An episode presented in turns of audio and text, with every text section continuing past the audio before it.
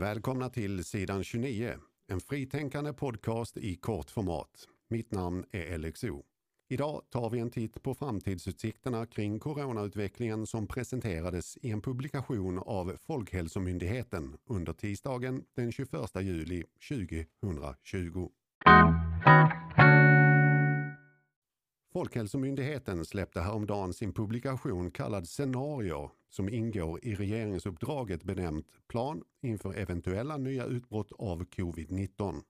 Det är alltså en del av underlaget som ligger till grund för fortsatt planering hos Folkhälsomyndigheten, MSB, Läkemedelsverket, Länsstyrelserna och Socialstyrelsen. Och hela denna skrift faller samman i en flora som består av tre olika scenarion för hur det kommer att se ut framöver. Vi har scenario 0, som är lite som det är just nu, med en kontrollerad, stabil spridning som kommer att fortsätta under en längre tid. Vi har scenario 1, som är en ojämn spridning där vi får en, två eller flera kraftiga pikar i spridningen under tiden. Slutligen så finns även scenario 2 som är en jämn spridning som gradvis ökar i ganska jämn och maklig takt över tid. Grundbulten för alla de här tre scenarierna är att vi orienterar oss i en tidshorisont som sträcker sig till september månad 2021. Alltså lite mer än ett år fram i tiden. Att man inte jobbar med ännu längre tidshorisont beror ju på att vi fortfarande inte vet vad som kommer att hända med behandlingar, vacciner och så vidare. Och tänk på att publikationen inte är en prognos eller liknande utan det är ett underlag skapat för att myndigheter ska ha någonting att utgå ifrån när de gör sin planering framöver. Det mest troliga scenariot av de tre, det är nog när allt kommer till kritan scenario 1, där vi kommer att få en pressad situation som tar sin början i slutet på augusti i år. Och observera att jag spekulerar helt fritt och min gissning är sannolikt lika bra som vem som helst. Men oavsett, det vore fullt naturligt att vi får en ökad spridning just kring månadsskiftet augusti-september. Då har det gått ett par veckor sedan skolorna har kommit igång och alla som är föräldrar vet ju att det brukar vara som att doppa händerna i ett provrör. De flesta har börjat jobba igen. Vädret blir kallare. Vi är inomhus och det uppstår helt enkelt fler nära kontakter under längre tidsperioder. Och det ska läggas till att vi just nu bygger en ganska bra grogrund. Eftersom det på sina ställen är väldigt mycket folk som reser i Sverige i olika turistfällor.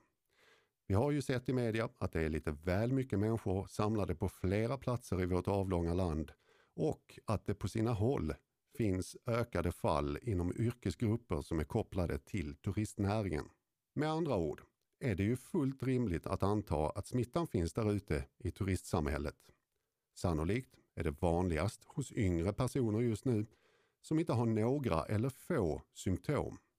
Eftersom det är sommar så är vi mycket ute och därav smittas man inte lika hårt och det sprids inte lika fort. Men man ska ju inte tro att smittspridningen kommer att vara helt opåverkad av vår rörlighet. Vi ska ha med oss i åtanke att flera studier visar att hur ett sjukdomsförlopp slutar beror mycket på hur mycket eller hur stor mängd virus du blir utsatt för. Och det är därför distans är så otroligt viktig. När vi sedan återsamlas inomhus under sensommaren så ges viruset en betydligt större kontaktyta och bättre förutsättningar för att återta greppet och då ganska snabbt börja sprida sig genom befolkningen. Speciellt om man har börjat slappna av kring distansering, hygien och liknande. Och det är som alla har sagt hela tiden, klart och tydligt. Det här är ingen sprint. Det är ett maratonlopp som kommer att pågå väldigt, väldigt länge. När kommer då vaccinet? Ja, det är ju en fråga vars svar kan omkullkasta precis allt och förändra världen. Vi vet ännu inte om det kommer att finnas ett vaccin som ger önskat skydd. Vi vet egentligen inte mycket alls eftersom de flesta vaccin är i sin så kallade fas 1 eller fas 2 där man precis påbörjat tester på människor. Vad som nu krävs är att rulla ut fas 3 som är tester i väldigt, väldigt mycket större skala. Där man verkligen kan få kött på benen kring verkan, kring bieffekter och så vidare. Men låt oss måla upp ett positivt scenario. AstraZenecas viruskandidat fungerar och Sverige får sin första leverans och kan påbörja storskalig vaccinering i januari 2021. Ponera att vi får alla 8 miljoner doser som ska fördelas mellan riskgrupper och de ska ha två doser var. Vi ska alltså plöja igenom 4 miljoner människor vid två tillfällen. Låt oss anta att vi har en kapacitet att vaccinera 20 000 människor om dagen. Då tar det 200 dagar att gå igenom runda 1.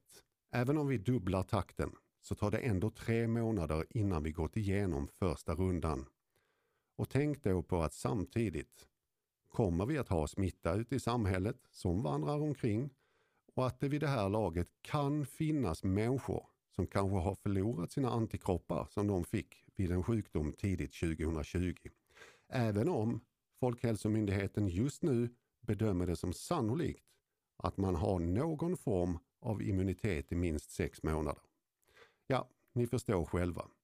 Det här är någonting som sker i så stor skala att enkla lösningar och tankar kanske inte riktigt lirar med verkligheten.